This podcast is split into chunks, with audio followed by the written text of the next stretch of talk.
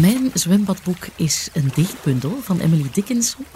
Mijn pronkstuk in mijn uh, dichtbundelcollectie. En het is uh, ja, Selected Poems of Emily Dickinson, maar in een, een zeldzame uh, uitgave.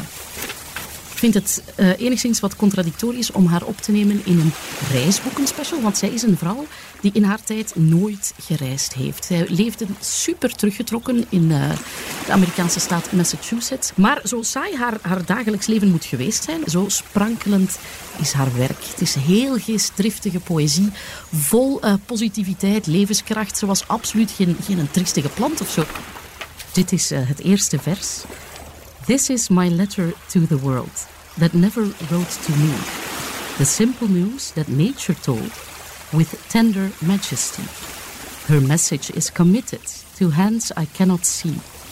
For love of her, sweet countrymen, judge tenderly of me.